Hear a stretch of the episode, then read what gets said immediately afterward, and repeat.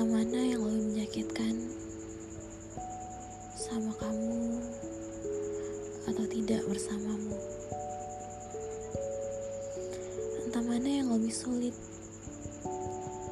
Melepaskan atau meneruskan perjalanan yang sudah tiada arah? Iya benar. Perasaan bodoh yang tetap menanti. Meski tak pernah dianggap Perasaan tulus yang bahkan tak pernah dihargai. Perasaan yang sering diajuhi hingga lelah. Dulu memang aku mengalah, tapi sekarang aku berubah. Perasaan bodoh itu sekarang telah pergi. Dia telah mati.